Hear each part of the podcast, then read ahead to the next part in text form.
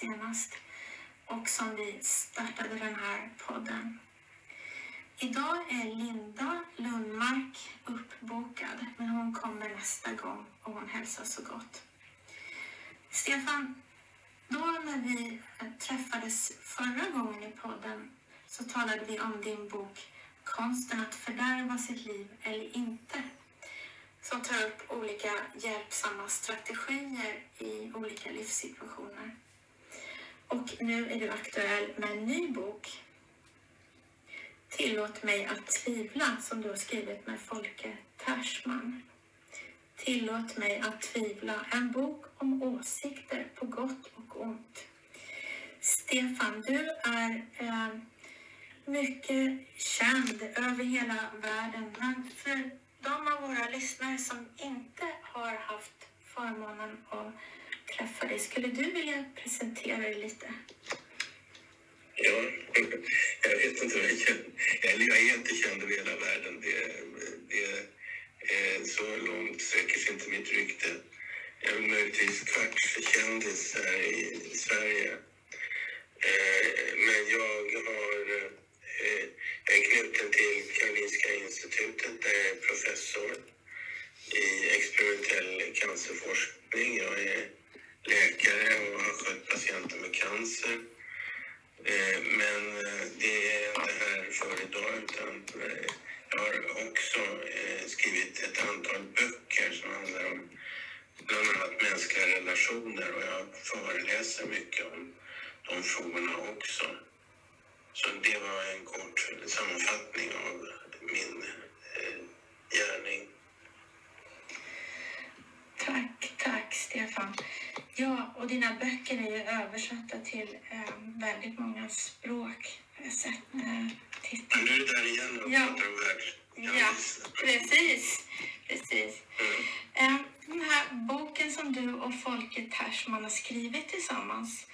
Eh, där samtalar ni bland annat då om hur åsikter formas i olika miljöer och hur våra omedvetna eller medvetna syften påverkar hur vi förhåller oss till olika fenomen i samhället. Skulle du, Stefan, vilja berätta lite om bakgrunden till att ni skrev den här boken? Ja, eh, folk och jag känner ju varandra sedan eh, ett antal år. Vi satt båda i, i eh, en, ett etikråd tillsammans.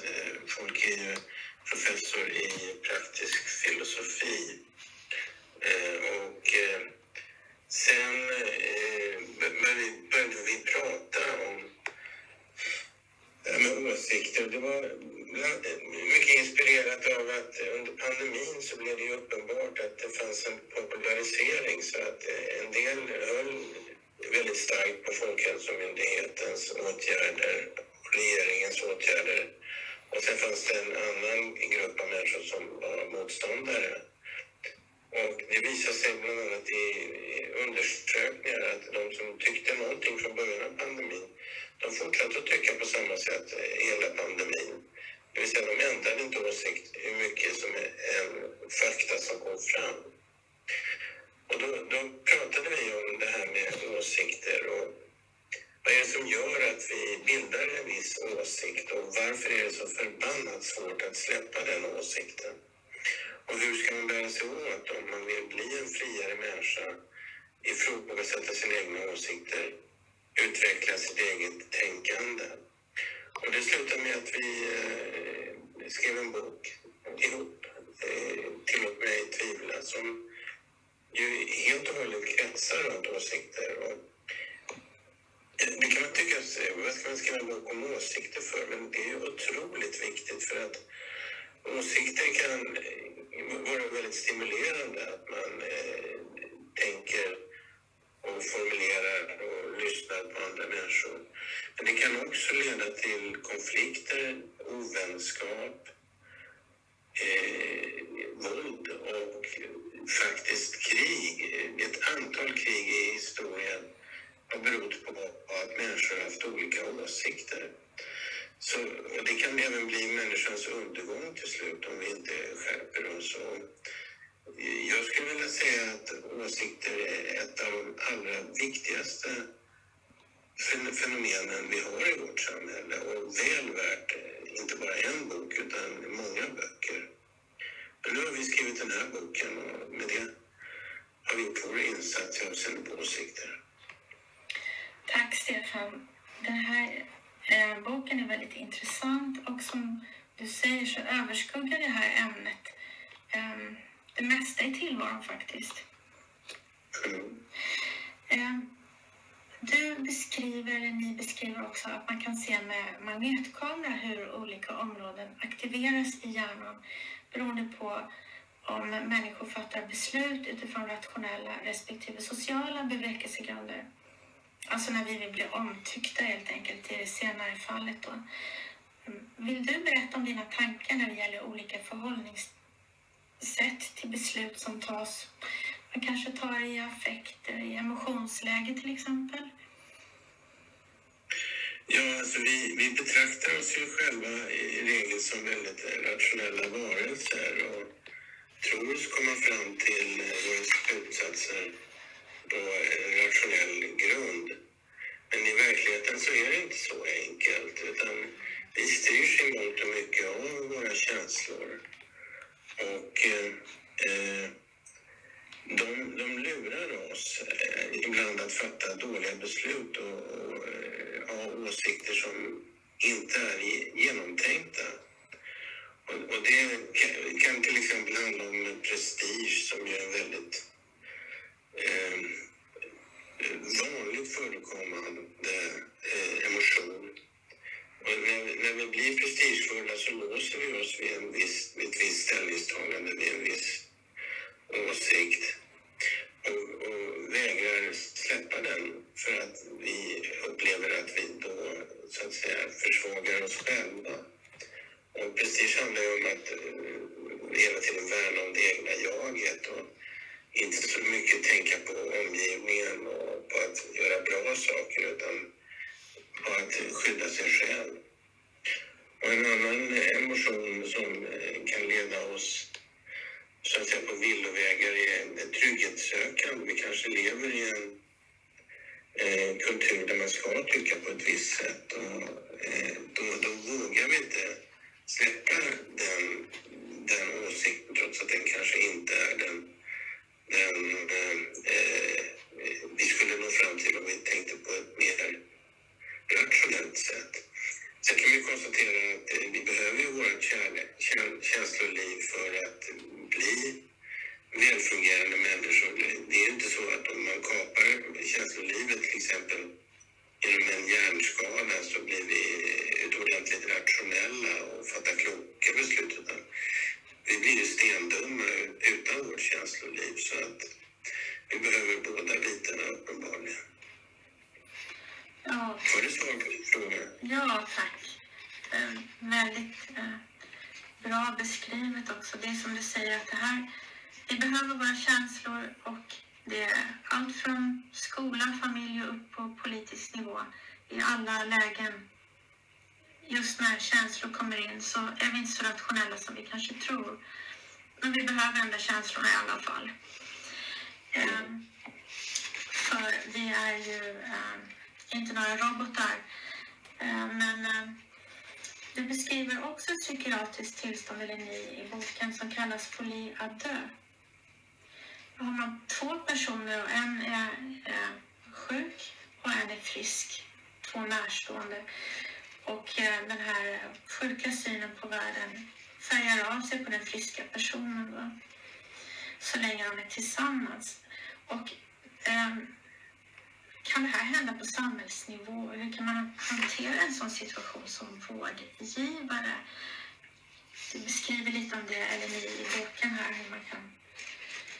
Ja, jag jobbade ju en period när jag gjorde min allmäntjänstgöring som läkare så jobbade jag på en, en psykiatrisk eh, klinik och en gång så kom det in eh, eh, tre personer, en son och hans föräldrar. Och då, de var jätterymsiga alla tre. Jag ska inte berätta exakt vad de hade för tankar men de, de, de kände sig förföljda och de skyddade sig själva. Och eh, det var ju svårt, eh, ganska svårt att veta vem som, vem som var i, grunden psykiskt sjuk. Eh, men men det, det tedde sig som att det var sonen, så vi, vi la in sonen. Och så skickade vi hem föräldrarna. Och på några dagar så kom de ju till, till sans och insåg att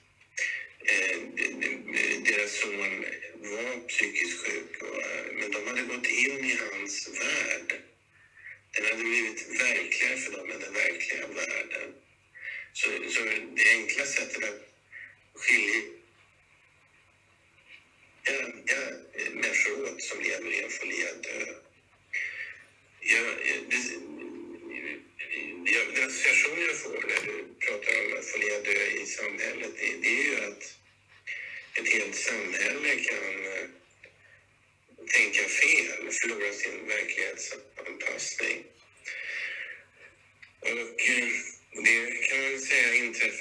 inträffar ibland i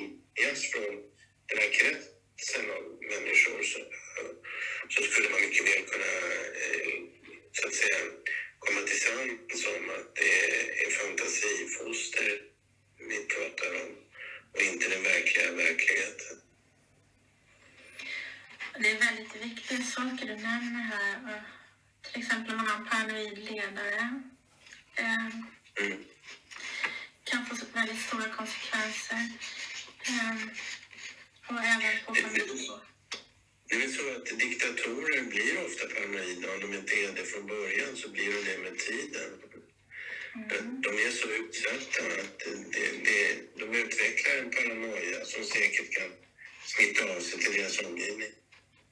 Ja, precis. Och som du säger, som har en rejäl grund också med tiden. Eh, precis. Eh, och det här är spännande saker som du nämner här. Och eh, en annan sak eh, som ni pratar om i boken är Stockholmssyndromet. Norrmalmstorgsdramat. Eh, vill du berätta lite om det? Det är spännande.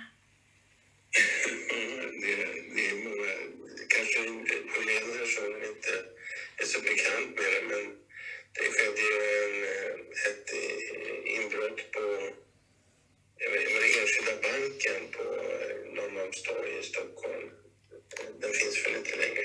Jag är inte riktigt säker på vad namnet på banken var. Men det var en eh, bankrånare då, Janne Olsson, som begärde att man skulle frige Clark Olofsson som var en känd eh, brottsling. Och, och märkligt nog så gick man honom till mötes och släppte Clark Olofsson. Och de, eh, det hela slutade med att de eh, blev inlåsta i ett valv tillsammans med fyra stycken ur gisslan. Och där blev de ganska goda vänner med gisslan och gisslan gick sedermera ut i telefonsamtal till, som blev inspelade då och sa att de, de här eh, bankrånarna var schyssta personer medan polisen, de var inte... De, de var avskum.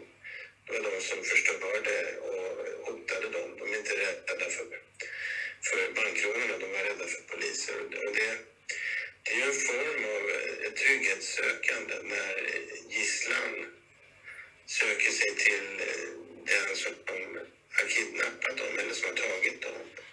Och det har ju tydligen förekommit i andra situationer också. Jag vet inte om man kan säga att det är en form av folia dö. Tycker du det? Eh, ja, faktiskt. Det, det är precis det har du rätt i. För att det finns ju ingen grund för att poliserna skulle vilja de här personerna illa, tvärtom. Mm. Så, Ja, De, har- de har tappat verkligen i enhetsavseende. ja, ja, precis. Och som hindrar dem att få hjälp på ett effektivt sätt genom den här påverkan då. Eh, Trygghetssökandet som du nämner. Och det är säkert någonting som återkommer också i många situationer när människor avstår från att söka hjälp.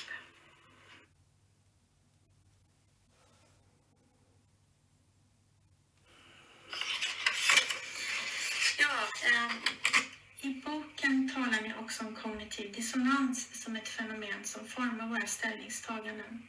Och för att lösa den här kognitiva dissonansen så, så gör man fienden mindre human för att känna sig mer bekväm när man går emot sina inre övertygelser.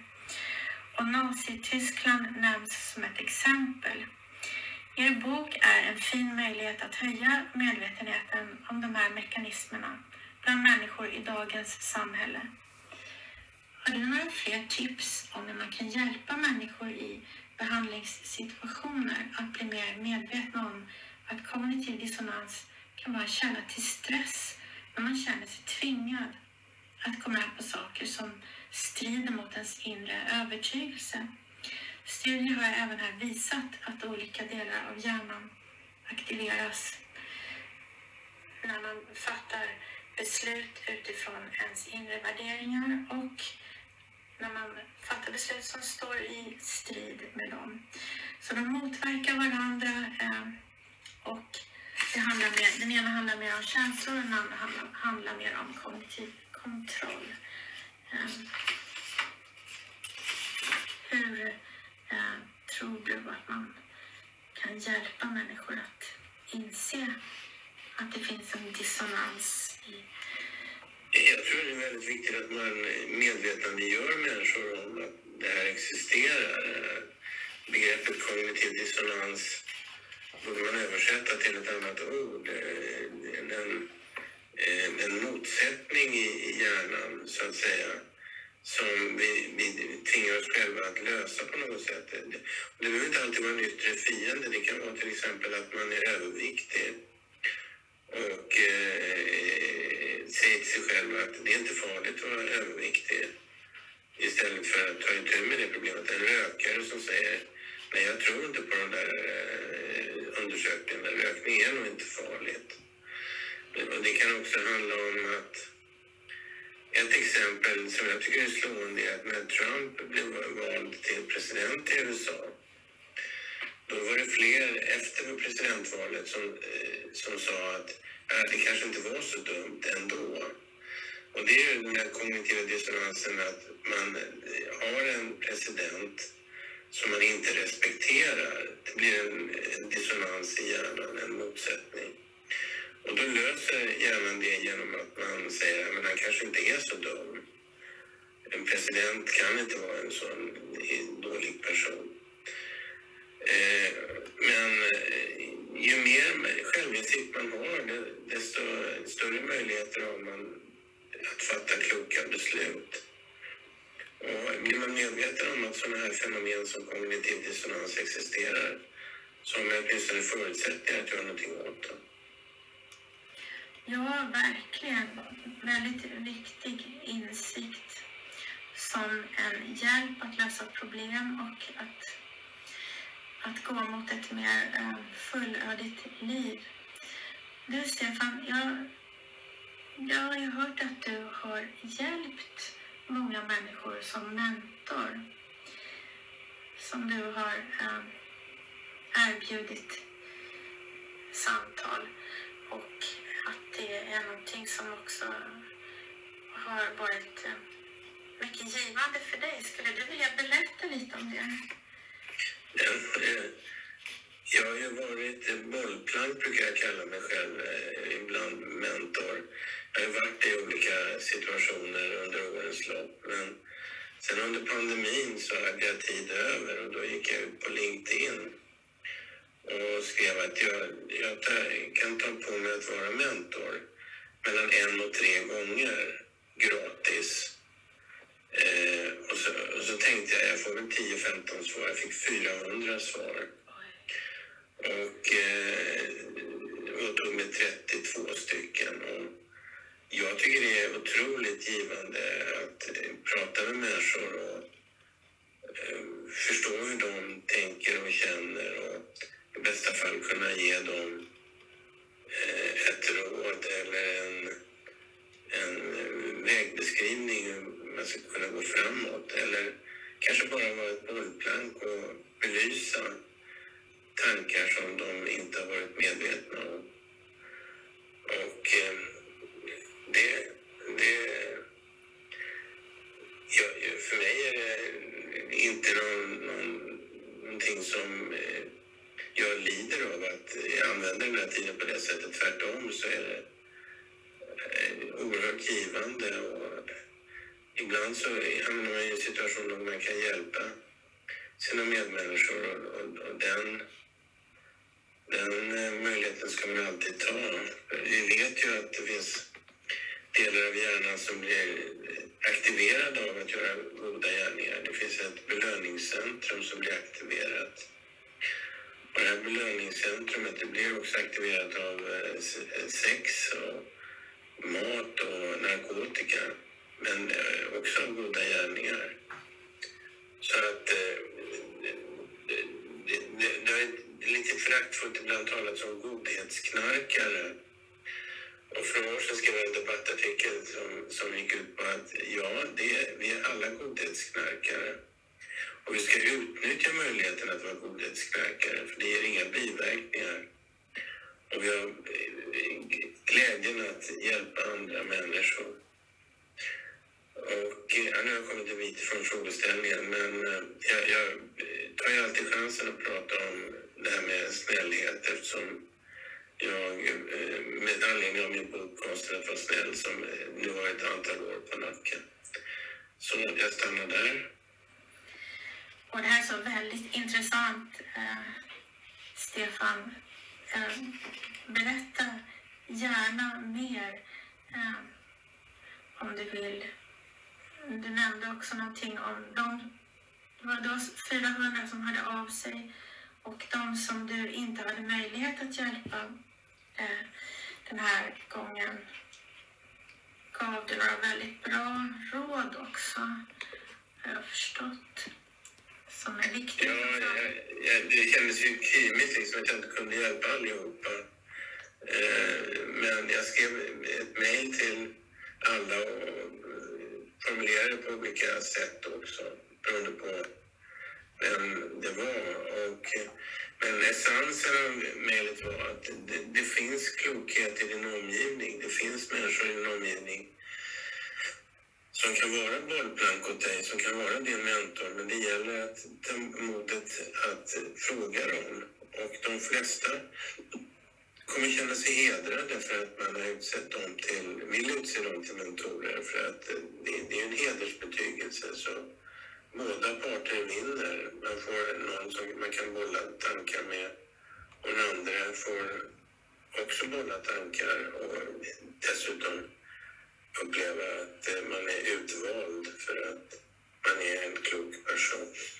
Så fråga till råds och eh, välj med omdöme din, dina mentorer. Det finns, eh, de finns i din närhet. Väldigt bra råd och viktigt i det samhälle som vi befinner oss i också. Att sträcka ut en hand, be om hjälp ta den som du verkligen känner förtroende för. Eh, vad, eh, det var lite spännande det här också, det här med det här mentorskapet. Vad var det som du upplevde som eh, roligast med det här mentorskapet? Apropå det här med, eh, du, du nämnde det här med belöningssystem och det känns bra när man kan hjälpa och det, det eh, gör också att vi gärna vill hjälpa mer, eh, som du nämnde. Nej, det, det, det, är svårt att säga exakt. Alltså jag, jag, jag pratar med människor om väsentliga saker är för mig oerhört givande. Och visst tycker jag att man ska ägna tid åt att prata strunt och blaja och skoja. Och, absolut. Men det här eh, samtalet där man möts öga mot öga och där det finns en öppenhet. Man behöver inte vara totalt öppen, men man, man, man är öppnare än, än i vanliga fall. Det, det tycker jag är en av livets eh, glädjeämnen och en av de mest meningsfulla sysselsättningar man kan ha här på jorden. Tycker inte du det också? Jag tror att du tycker det är samma sak.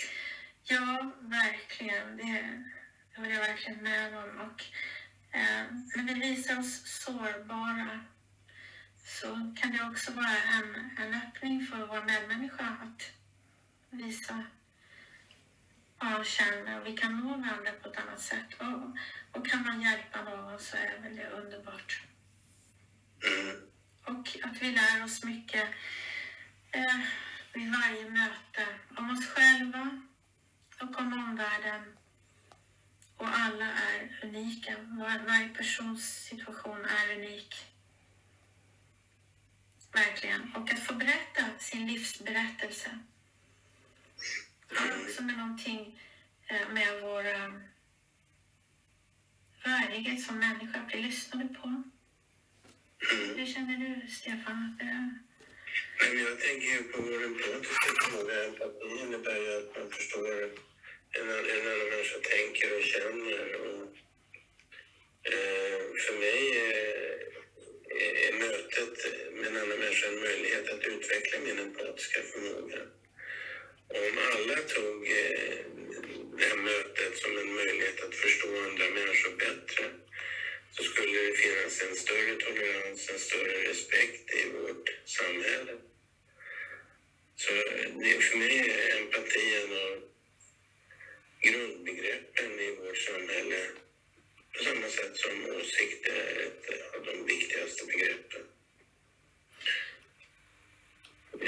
Yeah ja, det håller jag verkligen med om. Och ju mer den här empatin kan utvecklas, just det här att sätta sig in i en annan människas situation.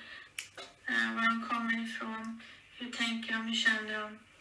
Utöver att man kan känna medkänsla, att just för, ta sig tiden att verkligen leva sig in i hur, hur är det att vara i den här situationen.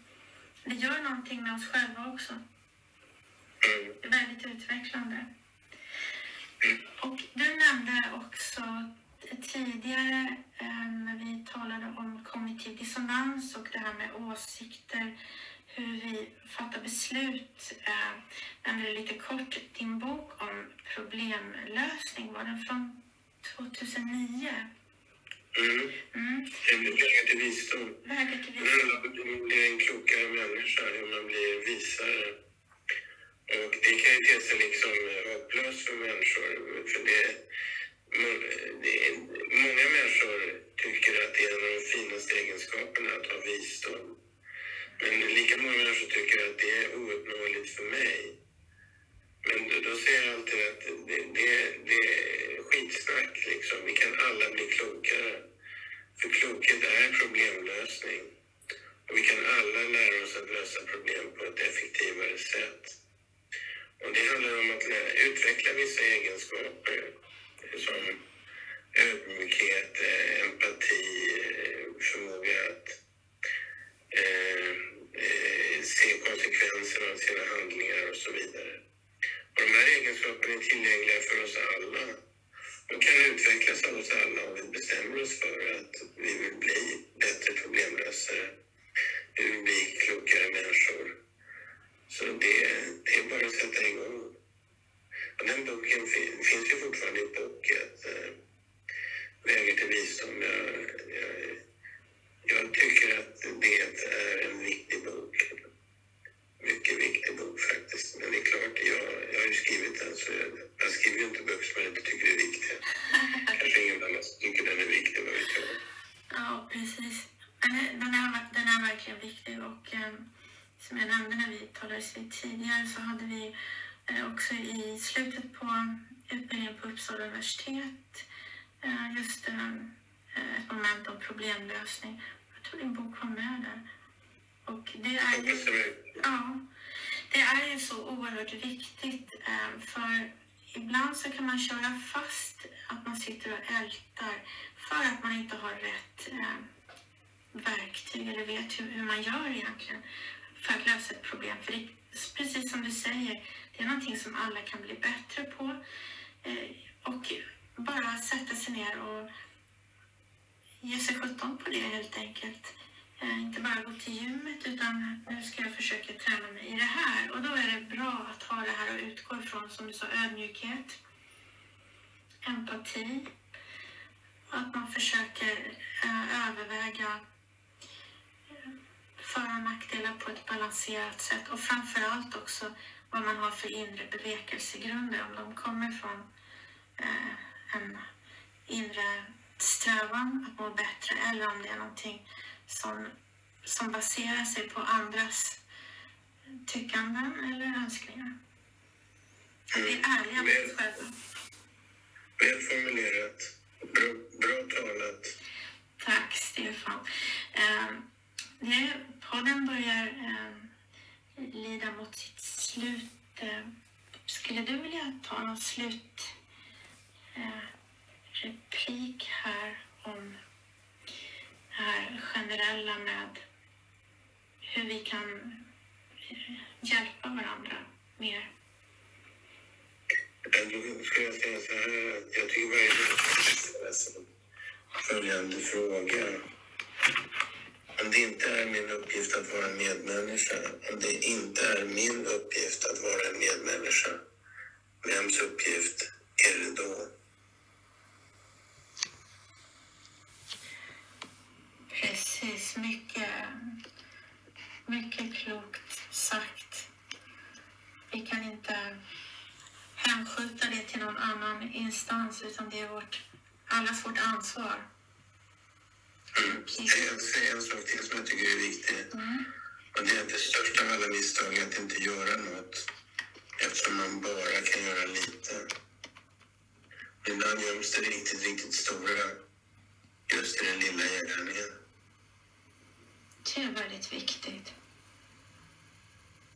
Mm. Att jag... Ska sluta nu? Nu är vi på topp. Nu är vi på topp, precis. Jag ser redan fram emot nästa avsnitt och hoppas så att få se det här igen i, i vår podd. Och eh, jag tackar dig så hemskt mycket. Och vi tackar för eh, det här kloka alla kloka delanden och eh, Linda Lundmark som sagt som var uppbokad hälsar så gott igen och hon kommer nästa gång. Och eh, ha det så bra nu Stefan och tack än en gång. Det var verkligen viktiga saker som du delar och jag hoppas att fler får möjlighet att läsa din och Folke Tersmans bok Tillåt mig att tvivla. En bok om åsikter på gott och ont som kommer ut nu i februari i år.